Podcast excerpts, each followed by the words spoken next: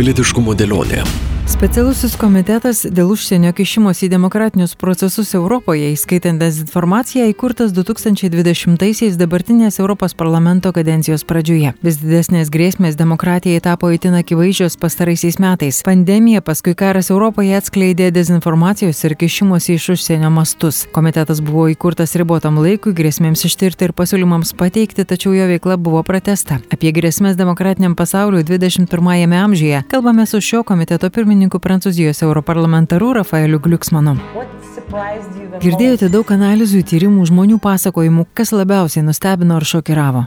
The, you know, I have, I have, uh, Kalbėjau su daug saugumo tarnybų, išanalizavau daugybę dezinformacijos kampanijų iš Rusijos ar Kinijos, taip pat dirbu su kibernetinio saugumo ekspertais. Tačiau labiausiai mane nustebino itin didelis Europos elito įsitraukimas. Visi šie pareigūnai ar buvę pareigūnai, kurie visą tą laiką buvo apmokami iš Rusijos ir Kinijos. Akivaizdus atvejais, kurį žino visi - Vokietijos energetikos politika, Gerhardo Schröderio vaidmuo ir taip pat aukščiausi biurokratai tokie kaip Marion Scheller, kurie ekonomikos ministerijoje buvo atsakinga už lėšas energetikos perėjimą perėjimui ir mūsų institucijų reakcijos nebuvimas, visuomenės reakcijos toka. Kai turime sprendimus žmonių, kurie dirba režimui, kurie gauna naudos iš savo tokių sprendimų, už kuriuos jie atsakingi, tai visiškai greuna demokratiją. Kas atsakingas už energetikos politiką Vokietijoje visus šiuos metus? Tiesiogiai Putinas?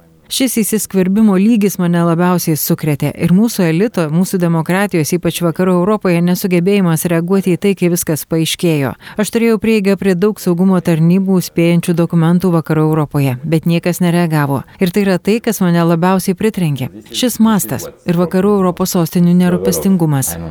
Indolence within French, which means uh, carelessness. Hmm. Ar tikrai nerūpestingumas? Kodėl jūsų manimų jie nereagavo? Neturi įrankių, nesupranta ar yra įsivėlę. Kodėl?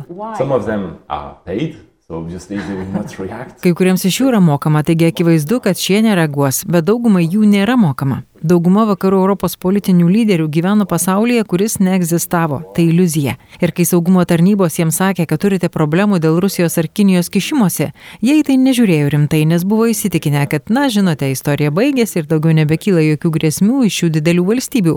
Ir galų gale Putinas negali kelti grėsmės, nes mes turime su juo sutartis, arba Xi Jinpingas negali kelti grėsmės, nes turime su juo sutartis. Mes pasirašėme sutartis, beje, jie mane pakvietė į muziejų, einame į ermitažą, kalbamės apie tai, kokia puikia yra rusų kultūra. Ir tas pats nutiko nuvykus į Kiniją. Tu pasirašai daug sutarčių, eini į ten ant menio aikštę, dalyvauji karinėme parade ir su tavimi elgiamasi kaip su draugu. Taigi tu tiki, kad žmonės, kurie taip elgesi su tavimi, yra draugai. Ir šis postmodernus vakarų europiečių požiūris atvedė mus į situaciją, kurioje esame dabar. O tai reiškia, kad Europoje vyksta karas. Mums tiesiogiai grasina Putino režimas ir esame visiškai priklausomi nuo Kinijos. Ir tai mane iš ties šokiruoja visus šiuos metus. Kaip galima būti tokiems naiviems? Taip pat šokiravo, kokie arogantiški buvo mūsų vakarų Europos lyderiai su vidurio ir rytų Europą. Nes kai skambinote pavojaus varpais, buvo elgiamasi maždaug taip. Na, žinote, tie žmonės turi blogų prisiminimų, jie gyvena praeitie, apsėsti kažkokio vaiduoklio. Taip, bet kas gyveno praeitie ir sapne? Tebūnė tai geras sapnas ar blogas sapnas? Žmonės Paryžiuje ir Berlyne, o ne Vilniuje ir Taline. Ir tai man buvo ženklas, kad mes niekada iki šiol išties ir nesuvienijome Europos. Vyko plėtra, tačiau dėl vidurio ir rytų Europos istorijos ir kultūros supratimo stokos tikro susijungimo nebuvo. Ir tai yra viena didžiausių klaidų. Tai, kas iš tikrųjų keičiasi, mums dabar tiesiog kalbant. Vasario 24 dieną 2022 su pilna invazija į Ukrainą. Gali būti, jei mums pavyks pakeisti, turiu galvoje surenkti kažkokią mentalinę revoliuciją Europoje, gali būti ir tikro žemynų susivienimo pradžia. Nes būtent dabar, kai kalba kas nors iš Talino ar Vilniaus, nebeįmanoma, kad būtų tokio pat lygio ignoravimas ar arogancija iš Paryžiaus ar Berlyno pusės. There cannot be the same level of dismiss or arrogance. Tiesą sakant, tikriausiai galėjome ir to karo išvengti, jei pavyzdžiui, numušus Olandijos lėktuvą reakcija būtų buvusi kitokia. Žmonės mirė, bet dešimtmetį jokių veiksmų nebuvo. Visgi ar manote, kad mes vienodai suprantame dalykus? Man teko kalbėti su ekspertu iš Niderlandų, kuris aiškina, kad mes skirtingai matom dezinformaciją ar politikų pirkimus. Kalbant apie užsienio kišimąsi, kai mes matom dezinformaciją ar nupirktą politiką, mes kaltiname rusus. Tuo metu jūs, Niderlandai, Vokietija ir panašiai, net jei jūsų politikams moka Rusija, jūs kaltinate savo politikus, kad jie parsidavė ne Rusija. Ar tikrai taip? Because we, we still, uh Todėl, kad mes vis dar neturime drąsos susidurti su tiesa, kad kažkas mus gali paveikti ir kad kažkas mus nori sunaikinti. Ir dar daugiau, žinote, aš atskiriu užsienio kišimąsi, kai jis ateina iš, nežinau, tarkime, Maroko ar panašių šalių, nes jie tiesiog stumia savo interesus, jie atstovauja savo interesams. Taip, tai blogai, turime tai sustabdyti, turime kovoti su korupcija, sukurti barjerus apsaugančius mūsų institucijas, tai yra priversti juos susimokėti. Tačiau Rusija ir Kinija yra kas kita nes jos nenori tiesiog prastumti savo interesus, jie nori sunaikinti mus, mūsų demokratijas. Ir aš vis dar nemanau, kad Makronas ar Šulcės tai iki galo suprato. Rusijos režimas, ko jie nori? Tai chaosas. Taip, ko jie nori, tai destabilizuoti mūsų demokratiją. Kai jų hakeriai atakuoja ligoninę, pavyzdžiui, mažame miestelėje netoli Paryžiaus, tyrinėjau tokį atvejį, tai vyko 2022 rugsėjį. Jie sunaikina sistemą, leidžiančią gydytojams gauti informaciją apie pacientus. Jie čia nenori jokių stumti savo interesų, jie tiesiog nori chaoso. Vokietijos ar Prancūzijos politikui tai labai sunku suprasti, kad kažkas neturi jokių interesų, o tiesiog nori chaoso. Problema ta, kad jie per mažai skaitė Dostojevskį, per mažai skaitė Surkovą, jie neskaitė pakankamai žmonių aplink Putiną, nes kai juos skaitai ir bandai suprasti mentalitetą, tada supranti, kas vyksta.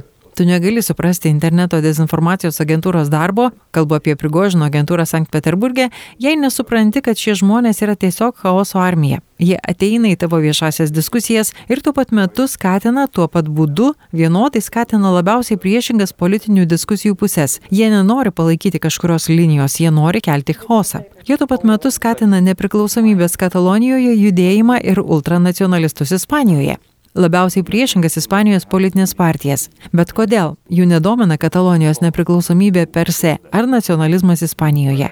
Jos domina šių dviejų jėgų konfrontacija, kuri prisideda, kad demokratija žlugtų, kad Ispanija negalėtų būti valdoma. Jie skatina tuo pat metu Black Lives Matters ir All Lives Matters - dvi priešingas grotažymės. Junktinėse valstijose tyrėme atvejus, kai jie ragina demonstruoti dvi priešingas pusės toje pačioje aikštėje. Nes ko jie nori, tai chaosas. Reikia suprasti, kad jie turi naują strategiją, kai kalbam apie mus. Tačiau tiems, kas mane, kad viskas priklauso nuo interesų, kad viskas yra apie dėrybas ir sandorius, taip beveik neįmanoma suprasti. Taigi jie nepažįsta Rusijos. Jie Paryžiuje ir Berlyne nesupranta Rusijos. Aš kitoks, nes užaugau šeimoje, kur turėjome kontaktus su žmonėmis iš visų šalių aplink Rusiją. Paauglystėje organizuodavau čečienų pabėgėlių prieimimą ir padėjau čečienų studentams atvykti studijuoti į Europą. Taigi aš supratau Putiną nuo pirmos dienos. Tada aš nuvykau į Sakartvelą ir Ukrainą. Aš buvau Sakartvele 2008 ir Ukrainoje 2014. Uh, Jūs buvot prezidento patarėjas Sakartvele, tiesa? Pirmiausia, aš buvau dokumentinių filmų kūrėjas, todėl ir filmavau spalvotas revoliucijas. Paskui filmavau karą. Ir per karą Sakartvele, kai grįžau į Paryžių, supratau, kad nėra prasmės kurti jokio filmo, nes niekas tiesiog nesupras, nes visi kaltino kartvelus. O aš buvau ten, ten visur Sakartvele, centre, rusų kariuomenė, rusų tankai. O aš suprantu, kad dabar grįžtu į Paryžių, o ten vyksta diskusijos apie tai, ką ten saka Švilis ar panašiai. Jie gyvena paralelinėme pasaulyje. Aš mačiau žmonės naktį plėšiančius tualetus Gorija. Rusų samdiniai plėšia tualetus mieste. Bet jūs man aiškinat, kad gal čia buvo provokacija ar panašios nesąmonės, kad tai Sakartvelų istorijos versija. Tuo metu aš kalbėjau su generolu Borisovu, kuris buvo 58-osios armijos tos, kurį įsiveržė į Sakartvelą vadas. Jis man tiesiai į akis pareiškė, mes eisim visur, kur buvom praeitie. Ir tada aš grįžtu į Paryžių, papasakoju visą tai ir man aiškina, kad gal jis buvo girtas, gal kažką. Aš nežinau, ar jis buvo girtas, bet kalbėjo jis rimtai. Bet kuriuo atveju jis buvo kariuomenės užpuolusios kitą šalį vadas. Ir mes vakarų Europoje darėme viską, ką galėjome, kad tik nepadėti Sakartvelui. Tada aš nusprendžiau likti Sakartvele ir pagalvojau, kad geriausias būdas padėti Europai tai padėti Kartvelams padėti Sakartvelo integracijai į Europą, nes generolas Borisovas dar tą naktį man pasakė. Pirmiausia, jis man pasakė, kad tu pedikas. Na, nes jis taip kalba. Varyk atgal į savo šalį, nes čia ne Europa, čia Rusija. Ta akimirka aš pagalvojau, kad okei, okay, padarykim tai Europą. Ir tu važiuok atgal į savo šalį. Todėl aš nusprendžiau pasilikti, nes mačiau, kad jokia vyriausybė vakarų Europoje nesupranta, kas ten vyksta. Tad pažįstu šį režimą 20 metų. Ir kai atsiradau čia, nuo pirmos savo mandato dienos siekiau įkurti šį užsienio įtakos tyrimo komitetą, nes mačiau juos vakarų Europoje. Mačiau, kaip jie visur kišasi ir žinojau, kad niekas į tai rimtai nežiūri. Jaučiau savo misiją, nes buvau vakarų europietis, o ypač prancūzas, o tai viena iš labiausiai, na, bukų šalių, kalbant apie Lietuvos ar Estijos pareiškimus. Taip pat turėjau galimybę tiesti tiltus tarp rytų, vidurio Europos ir vakarų Europos politikų ir bandyti įtikinti savo bendrapiliečius ir vakarų Europos kolegas klausytis. Jei būtume klausęs Estijos nuo 2007-ųjų, nebūtume tokioje situacijoje, kalbant apie kibernetinį saugumą ar kibernetinės grėsmės kylančias iš Rusijos. Taigi tai tapo svarbiausiu mano tikslu Europos parlamente that's something that uh, became uh, Tačiau net ir Prancūzijoje, pavyzdžiui, geltonųjų liemenių judėjimas juk buvo su rusų įtaka. Tai sudėtingiau. Žinoma, rusai skatino ir ypač RT Russia Today pylė daug žibalo į ugnį, bet reikia suprasti, rusai tiesiog išnaudos bet ką, bet kokius prieštaravimus, kurie jau yra bet ištakos buvo vidinės. Tai iš tikrųjų buvo Prancūzijos demokratijos krizė. Turiu omenyje, kad rusai to neišgalvojo, bet tiesiog panaudojo, kai atsirado. Turime suprasti, kad jie nėra pakankamai stiprus, kad patys sukurtų judėjimus, bet ką jie daro, tai stebi, mato, kur problema mūsų visuomenėje ir skatina viską, kas kelia problemas. Tai tai ne jų kūryba. Prancūzijoje iš ties yra socialinių, demokratinių problemų, kurios užverda, bet tada ateina jie su aliejumi ir pila į ugnį. Tas pats pasakytina ir apie Kataloniją. Turiu omenyje, kad Katalonijoje yra yra tikras nepriklausomybės judėjimas, tikra problema, bet kai jie tai mato ir nusprendžia, okei, okay, pabandykim ką nors padaryti. Ir jie visur tai daro. Europoje auga ksenofobija, tai tiesa, bet jie nesukuria to, pavyzdžiui, migracijos atžvilgių, tačiau tuo tikrai pasinaudos. A, a Europe, true, will, so they don't create this feeling towards uh, migrations, for instance, but they will use it. Europoje dabar pilna rusų demonstracijos vyksta Vokietijoje milijonai. Tai gali būti gaisras šalies viduje, pavyzdžiui, Lietuvoje ir Estijoje yra žmonių, kurie kalba rusiškai, ypač Estijoje ir Latvijoje, kurie kalba rusiškai ir jie tebe gyvena Rusijoje, žiūri rusišką televiziją, nors Russia Today uždrausta, tačiau pilna kitokių kanalų, o jei gyveni pasienyje, gali tiesiog žiūrėti su savo antena Ir dabar Vokietijoje, vakarų Europoje kuriasi tokie žydiniai. Dar vienas dalykas egzistuoja legenda ar tikrovė apie seną rusų ir prancūzų draugystę. Vienas pažįstamas prancūzas man bandė aiškinti, iš kur ta abipusė meilė, kad tai revoliucija kraujyje ir panašiai. You know, it's a, it's a Bet tai mitas. Tai visiškas mitas. Aš turiu galvoje, to niekada nebuvo. Rusija sutriuškino Prancūzijos revoliuciją, jie sutriuškino Prancūzijos imperiją, kuri sekė po revoliucijos, jie net organizavo kontrrevoliucinius judėjimus visą XIX amžių. They, they organized even the counter-revolutionary movement during the whole 19th century. Tai meilės nėra. But then this.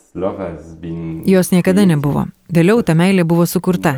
Tačiau senajame XIX amžiuje Prancūzijoje buvo pilna demonstracijų ir kalbų ir visko. Už ką? Už Lenkijos revoliuciją. Tai buvo mūsų draugas, mūsų broliška tauta turėjo būti Lenkija. Tai buvo idėja, su kuria prancūzai užaugo, kad Lenkija yra mažoji sesuo. Tada jie tapo Praha. Praha buvo centrinės Europos Paryžius ir po pirmojo pasaulinio karo Čekoslovakijos Respublika buvo prancūzų kūrinys. Čekoslovakija buvo pastatyta prancūziška dvasia pagal prancūzų modelį su prancūzais ir ką mes turėjome, prancūzijos lemtis buvo būti ta didžiaja tauta padedančia mažoms vidurio ir rytų Europos tautoms. Tai buvo daugiau nei du šimtmečius nuo Prancūzijos revoliucijos, bet ir anksčiau su karaliais mes buvom įsimylėję Lenkus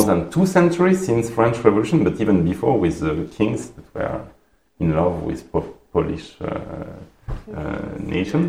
Dvi tautos tai buvo tiesą sakant ir Lietuva. Taip, žinau, žinau, bet Prancūzijoje mums tai buvo Lenkija, nors aš žinau istoriją, taigi nesupraskite manęs neteisingai, aš pasakoju, koks Prancūzijoje buvo mitas. Priežastis buvo Varšuva. 1848 m. revoliucija prasidėjo didžiulėmis demonstracijomis parama jai prieš carinę priespaudą. Gatvėse buvo tūkstančiai prancūzų, kurie prašė juos siūsti į Lenkiją, duoti ginklus ir siūsti kovoti. Toks buvo šūkis - duok mums šautuvą, mes kovosim Lenkijoje. Tad meilės su rusais nebuvo jokios. Mes dabar nuėjom labai toli, bet aš esu istorijos fanas. Tačiau 1830 metais buvo toks Lenkijos patriotas vardu Žokimas Lelevelis, kuris buvo pabėgėlis Prancūzijoje.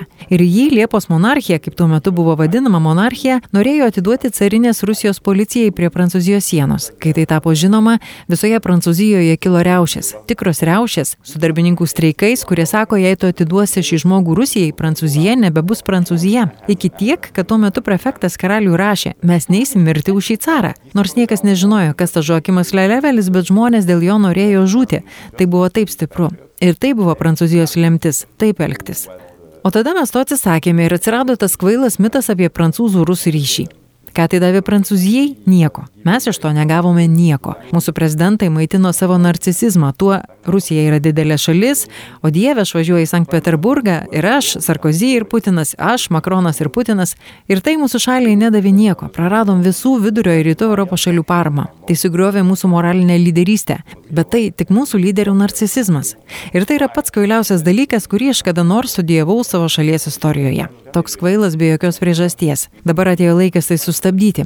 Jei Prancūzija nori turėti savo vaidmenį istorijoje, ji turi suprasti, kad Vilnius ir Varšuva Paryžiuje yra daug svarbesnės vietos nei Maskva ir Pekinas. Aš tikrai tuo tikiu. Ir tada Prancūzija taps galingesnė Europoje. Nes galiausiai turėsime kažką Prancūzijoje, kas naudinga jums. Mes paskutinė vakarų Europos šalis turinti karinės tradicijas su elitu suprantančiu saugumo svarbą ir su branduoliniais atgrasimo pajėgumais. Tai yra, turime kuo pasidalinti su rytų ir vidurio Europos šalimis. Be to mes dar turime labai geras vidinės pajėgas, nes tai, ką aš atradau Prancūzijoje, pavyzdžiui, palyginti su kitomis vakarų Europos šalimis, kad vidaus pajėgos niekada nebuvo naivios dėl to, ką Rusija daro Prancūzijoje. Viskas buvo dokumentuojama ir tai buvo politinė vadovybė, kurie priėmė sprendimą neklausyti tarnybų. Nebuvo taip, kad jie buvo maitinami klaidinga informacija. It was not Minėjote kultūrinius dalykus. Kalbant apie rusišką literatūrą, rusišką ar na, rusišką, ukrainietišką, tuo metu iš ties visi buvo padaryti rusais, kas rašė rusiškai. Skaityti Dostojevskį, ar ta visa kultūra, knygos, ar tai turi būti sunaikinta, nes viskas persunkta imperialistinėmis nuotaikomis? Nereikia jų naikinti. Reikia studijuoti. Taip, kaip tik reikia jas skaityti. Bet reikia ir suprasti, ką skaitai. Bet iš ties, jei turi smegenų, gali puikiai tai suprasti. Geriausias dalykas, ką gali padaryti, jei nori suprasti tokį žmogų kaip Surkovas, pavyzdžiui, kuris visus tuos metus buvo Putino Piero genijus, perskaityk ir suprask Stavroginą Dostojevskio demonuose. Taigi žinoma, kad reikia skaityti. Neišbraukti, nekencelinti. Gi neištrynėme visų vokiečių rašytojų, nepaisant to, kad Vokietija nužudė pusę europiečių. Bet skaitai ir supranti, iš kur tai supranti, koks kultūrinis laukas, kuriame šis imperializmas išaugo. Taigi aš suprantu lietuvių norą nebeskaityti daugiau rusų, bet ne tai reikia daryti. Kas yra jūsų turtas? Aš prancūzas. Kodėl aš noriu klausyti savo lietuvių kolegų? Nes jie žino. Jie žino kodėl. Nes jie turi patirtį, jie turi žinių, jie skaitė, jie žino. Tad nestumkite savęs į neišmanimą, atvirkščiai, skaitykit, supraskite ir paaiškinkit. Žinot, iš kur tai ateina? Pažiūrėkim. Tai ne Putino karas, tai Rusijos karas. Tai ne tik Putinas ir jo bičiuliai, tai imperializmo kultūra. Ir jei norit paversti Rusiją kažkuo kitu, nei ji yra dabar, tada tai reikia sunaikinti. Kokia klaida buvo 90-aisiais, kai buvo Rusijoje silpna lyderystė, kad niekas nebuvo sunaikinta.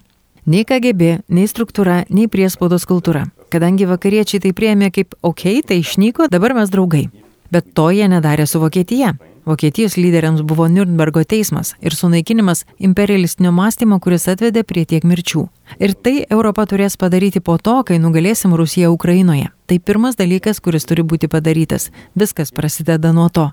Jei mes nenugalėsim Rusijos Ukrainoje, niekas Europoje nebus įmanoma, nes bus tiesiog nuolatinis chaosas. Tad pirmiausia, jie turi pralaimėti. O tam, kad jie pralaimėtų, ką mes galime daryti čia, atskleisti visus jų tinklus, kurie kai kuriuose Europos sostinėse yra labai veiksmingi, stabdant mūsų pagalbą Ukrainos pasipriešinimui, kurios taip reikia pergaliai. Ir tai tikrai turime padaryti ne todėl, kad mylime Ukrainą, nors aš myliu Ukrainą, aš myliu ukrainiečius ir myliu Ukrainos revoliuciją ir mane stulbina jų drąsa ir jų pasipriešinimas, bet mums reikia, kad Rusija pralaimėtų Ukrainoje ir dėl mūsų pačių, mūsų pačių labai, nes mes rūpiname savimi ir jei jie nepralaimės Ukrainoje, tai mes pralaimėsim. Mes būsim pasmerkti metų metams ir dešimtmečiams nesaugumo ir nestabilumo Europoje. Years and years and years and insecurity and instability in, in Europe. Ukrainiečiai galbūt gali laimėti ir dėl to, kad gerai pažįsta priešą. Kalbant apie dezinformaciją, ar jūs pažįstate kažką, kam ši informacija skirta, kas užkybo, kuris buvo paveiktas dezinformacijos? Turiu omenyje, kad mes kovojam su dezinformacija, tačiau dažniausiai kalbam su žmonėmis, kurie ir taip tuo netiki. Na, aš žinau, kas yra dezinformacija, aš nepatikėsiu kažkokiamis kvailomis žiniomis, bet jei kažkas jau užkybo, to mes nežinom. Taip, bet nereikia pažinoti žmonių tikinčių dezinformaciją, kad su jie kovoti. Žinot, mesgi buvom kaip sviestas, į kurį sminga karštas peilis. Tai buvo taip lengva. Kodėl? Nes mes nesisaugojam. Taigi aš neplausiu smegenų kiekvienam žmogui, kuris tiki Rusijos propagandą. Aš negaliu jų pasiekti. Bet ką aš galiu padaryti, tai sunaikinti įrankius ir naudingus idiotus, kurie tam padeda daugintis. Taigi aš kaip įstatymų leidėjas turiu neužtikrinti, kad visi suprastų, jog Žemė yra apvali. Tai ne mano problema, tiesą sakant, jei tikite, kad Žemė yra plokščia. Gal galiu manyti, kad jūs idiotas, bet tai nepriklauso nuo manęs. Jūs esate laisvas ir galite tuo tikėti. Bet jei užsienio vyriausybė išleidžia milijonus, kad milijonai mano bendrapiliečių patikėtų, kad Žemė yra plokščia, tada tai tampa mano problema. Ir ką aš galiu padaryti? Turėčiau sustabdyti finansavimo kelius. Turėčiau užtikrinti, kad platformos iš tikrųjų naikintų Rusijos dezinformacijos kampanijas savo viduje, tos, kurios to dar nedaro. Galiu įvesti taisyklės, kurios apsunkintų Rusijos dezinformacijos klaidą. Galiu užkurti medijų raštingumo programas, kurios leis daugumai europiečių suprasti dezinformaciją. Ir trečias dalykas, galiu atskleisti netikras naujienos ir dezinformacijos kampanijas. Bet pirmas dalykas, ką turėčiau padaryti, tai kad mano teritorija tiesiog būtų sunkiau prieinama. Ir tai yra daroma. Mes balsavome už platformų reguliavimą, tačiau tai vis tiek dar labai atvira. We, we, we voted the regulation of platforms, but it's still very, very open. Yes, very open. Radio stočiai FM99 kalbėjo Rafaelis Gliuksmanas, prancūzijos europarlamentaras, specialiojo komiteto dėl užsienio kišimos į demokratinius procesus ES, įskaitant dezinformaciją pirmininkas. Jį kalbino Vilija Kvedaraitė. Pilietiškumo dėlionė.